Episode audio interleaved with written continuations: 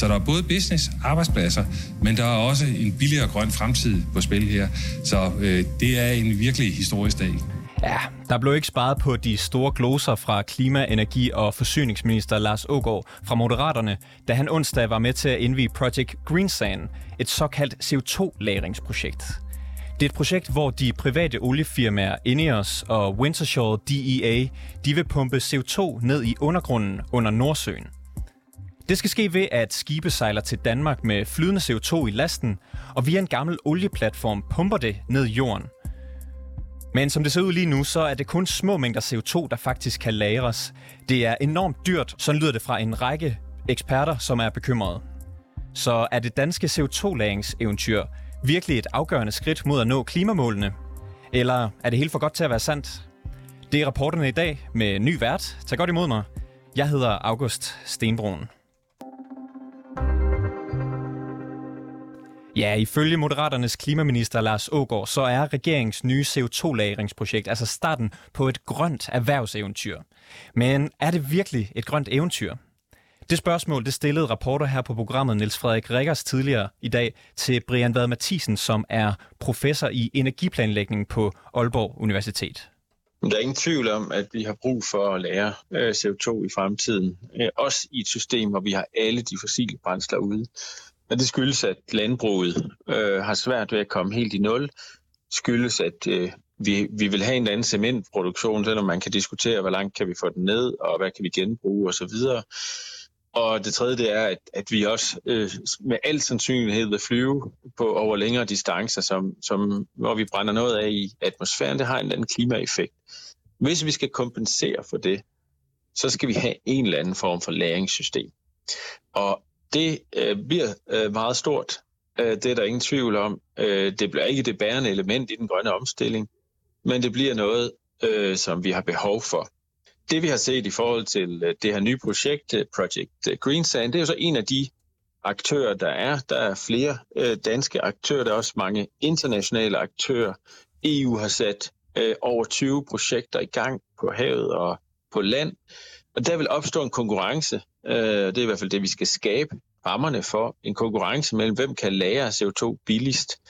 Og så skal man jo også huske på, altså forretningen her er jo, er jo ikke sådan, øh, hvad skal man sige, lige oplagt, øh, fordi at der ikke er nogen, der, der sådan øh, har et aftag for det kulstof, vi lærer. Vi. Det vil jo være en ren omkostning at lære, det skal der så være et, et, en CO2-afgift, der sørger for, at, øh, at det er billigere for virksomhederne at lære det. Men det er jo så også i konkurrence med at nedbringe forbruget af fossile brændsler og nedbringe øh, udledningerne generelt. Så der vil være en kæmpe konkurrence her for ikke at skal betale for at lære. Og dem, der så skal lære, vil jo selvfølgelig presse prisen for at vælge den billigste måde at lære på. Og det er jo sådan set meget gavnligt. Og nu vi er ved prisen her, altså ultrakort, så forklares, fungerer det jo ved, at man fanger CO2 fra danske skorsten for eksempel og køler det ned, så det bliver flydende, og så fragter ja. det til undergrunden, hvor det så pumpes ned. Er det her en billig løsning? Nej, det er der ingen tvivl om. Det er en, en meget, meget dyr løsning, men jo mere CO2 vi kommer til at lære, jo billigere bliver den så også. Det perspektiv, jeg tror, man skal se det her i, det er, at vi har brug for at udvikle og se på alle de muligheder, vi har for at værne om vores, øh, vores klima. Markedet for at lære CO2 i Europa er vanvittigt stort, og der vil det være sådan, at det kan sagtens være, at vi kan finde nogle billigere metoder at lære CO2 på, men der vil også være nogen, der er nødt til at, at bruge flere penge på at lære CO2, hvis ikke de kan få det reduceret, som, som vi gerne vil. Jeg er ikke så bekymret for, at der ikke bliver et marked. Det der jo selvfølgelig er spørgsmålet, bliver det offshore, som vi ser med projekt Green Sands uh, her, eller andre af de her offshore-projekter, bliver det på land, man skal lære, bliver det via nogle biologiske processer, hvor vi lærer i biokul, er der andre måder at gøre det på. Den her CO2-fangst og lavring, ja. den spiller jo en hovedrolle i de danske klimaplaner, og politikerne de har besluttet, at ja, teknologien den skal fjerne 3,2 millioner tons drivhusgasser, hvis vi altså skal leve op til klimamålet 2030. Den her teknologi, er den i mål lige nu? Nej, det, øh, det mener jeg ikke, øh, man kan sige, den er. Og øh, min klare anbefaling har i en årrække været, at vi i forhold til 70% målsætningen i øh, Danmark, bør satse på øh, helt kendt teknologi, øh, og, og vejen derhen vil gøre de teknologier billigere og nemmere at implementere. Skulle det lykkes at få skala på at lære CO2, som man jo ønsker her, altså jeg tror det er op til 8 millioner tons, man egentlig gerne vil lære i 2030, jamen så er det jo bare glædeligt. Så betyder det i mine øjne, at vi skal hæve målsætningen fra 70% CO2-reduktioner i 2030 til et højere niveau. Men er den her teknologi lige nu på et niveau, hvor den kan bidrage tilstrækkeligt til de mål? Nej, altså enhver kan jo se, at det er den ikke. Altså fordi så havde vi jo gjort det øh, lige nu. Det synes jeg heller ikke er så, så vigtig en diskussion. Jeg synes, det der er vigtigt, det er for, øje nu, at vi er i gang med at lære CO2. Der vil være noget læring øh, i forhold til det. Man har en hel værdikæde fra øh, udledningen af CO2 i, i Belgien til få det transporteret, kølet ned, transporteret, øh, få det ud på Nordsøen og få det ned i undergrunden. Og det er så klart dyrt. Særligt er det jo dyrt i øjeblikket, fordi at det er så små mængder. Men det er det, vi skal lære af, for også at se, om vi kan få det op i en skala, hvor det bliver billigere at gøre de her ting. Så skal man selvfølgelig monitorere, at, at CO2'en bliver der, og vi skal sørge for at have den rigtige regulering om, omkring det. Hvis nu at resten af EU gerne vil lære en masse CO2 ud i den danske undergrund, hvordan skal den danske stat så kompenseres for det? Øh, så der er jo masser af forhold her. Nej, det er jo ikke en løsning, der er klar, fordi så havde vi jo gjort det for længe siden. Det siger sig selv. Håber vi på, håber jeg på, at det lykkes det her? Ja, det gør jeg. Betyder det, at der er andre ting, vi ikke skal gøre? Nej, på ingen måde. Vi skal gøre det, som vi allerede gør, omlægge til fjernvarme, elektrificere transport og industri, sørge for energieffektivitet, få langt mere vedvarende energi ind i hele vores energisektor. Så øh, vi skal ikke hvile på laverbærene. Altså, hvis man kigger på det her projekt igen, under forsøgsfasen, så skal tankskibet sejle frem og tilbage mellem Belgien og Danmark, til der er lagret i alt øh, 15.000 ton CO2. Det er altså det her project, project Green Sand.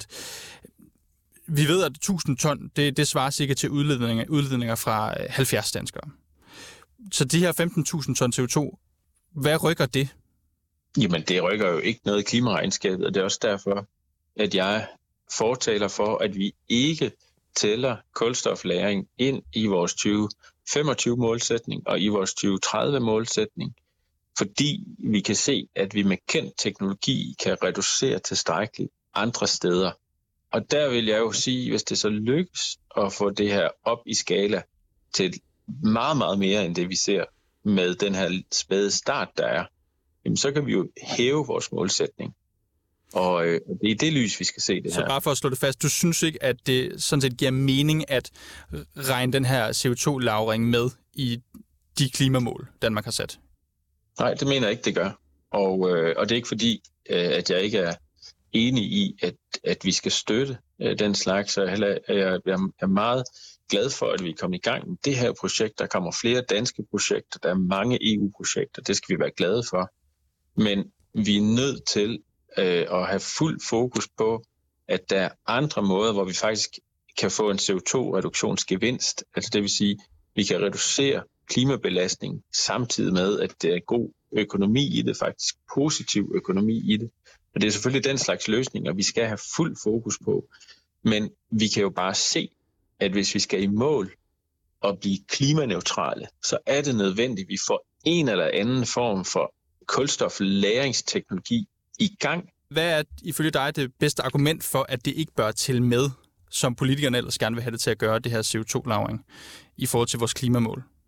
Vi skal jo ikke tage noget med, som vi ikke har afprøvet på den danske del af Nordsøen, og hvor vi kan se, at vi kan komme op i mere end 3 millioner ton, som øh, politikerne gerne vil tælle med i 2030. Og det skal vi heller ikke, fordi at vi kan se i, i de beregninger, vi har lavet, at vi jo faktisk med andre teknologier kan komme i mål med langt mere kendt teknologi.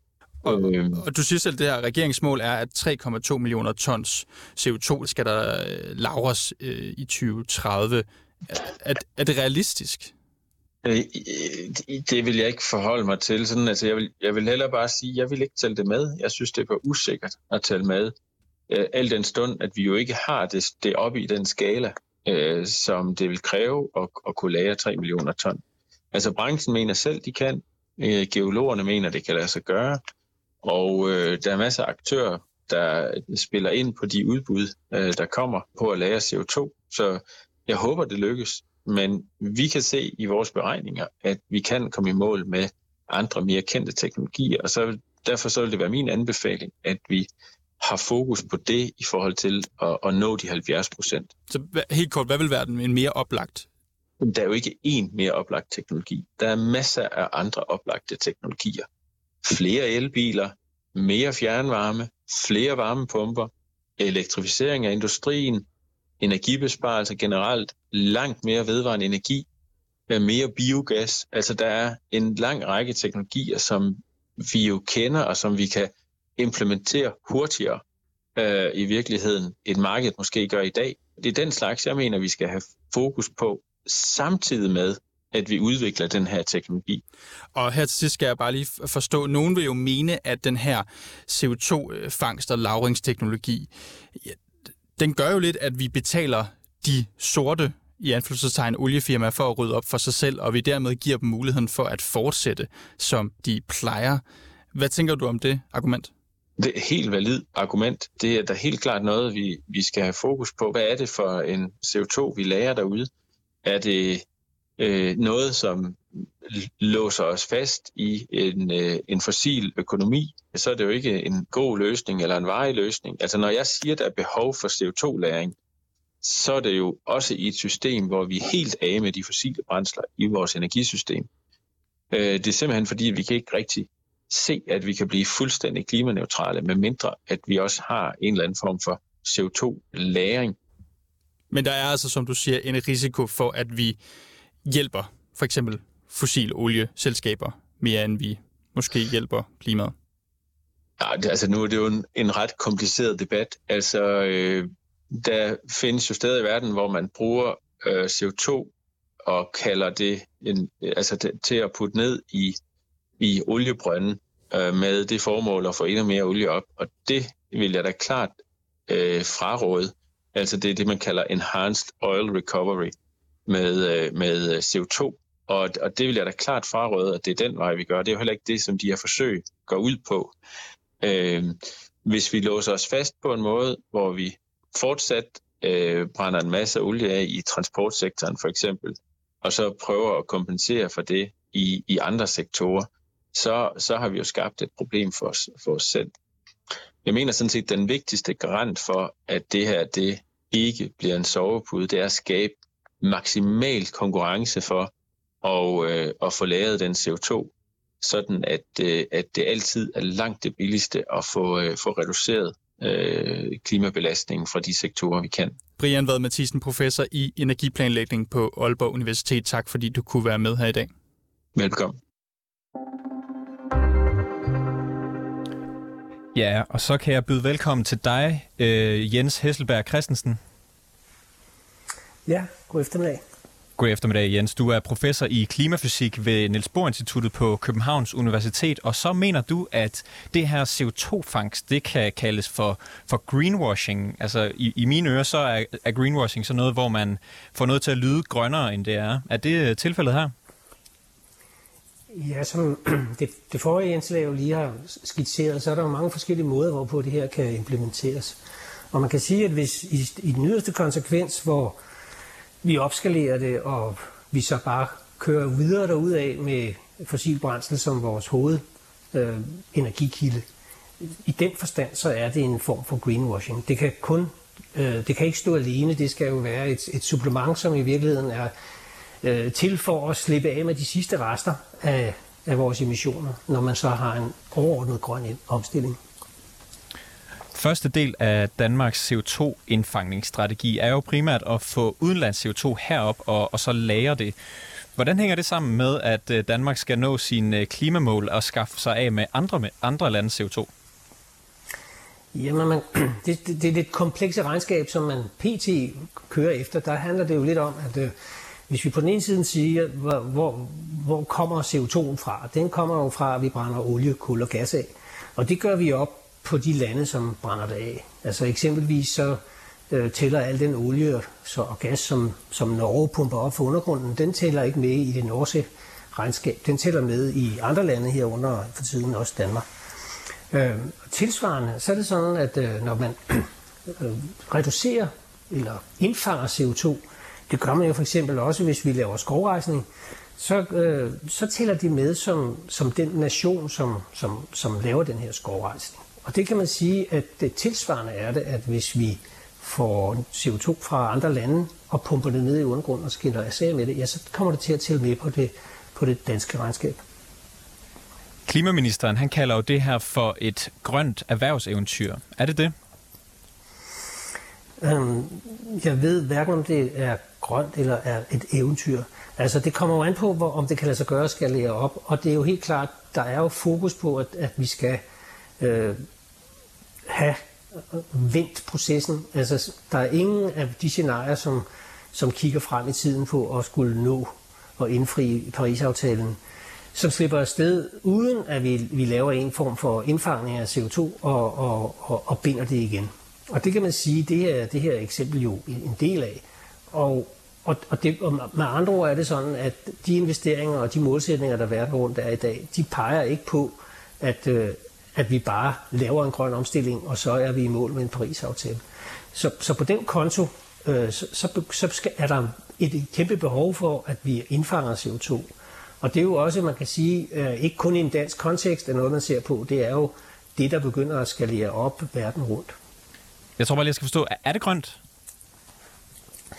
Jamen sådan helt neutralt fra et klimasynspunkt, så er det jo, så er det jo en god ting. Altså vi fjerner CO2 fra atmosfæren, og man kan sige, at øh, i en, i en kontekst, hvor vi gerne vil sætte os fri af fossile brændsler og lave en omstilling, som øh, går til mere bæredygtige energiformer, jamen så, så er det at snyde lidt på vægtskålen, fordi vi trækker pinen ud, så altså, at sige. Ja, det kan jo lyde øh, lidt som en, en belejlig finte, man har opfundet til at, til at få lidt bedre samvittighed.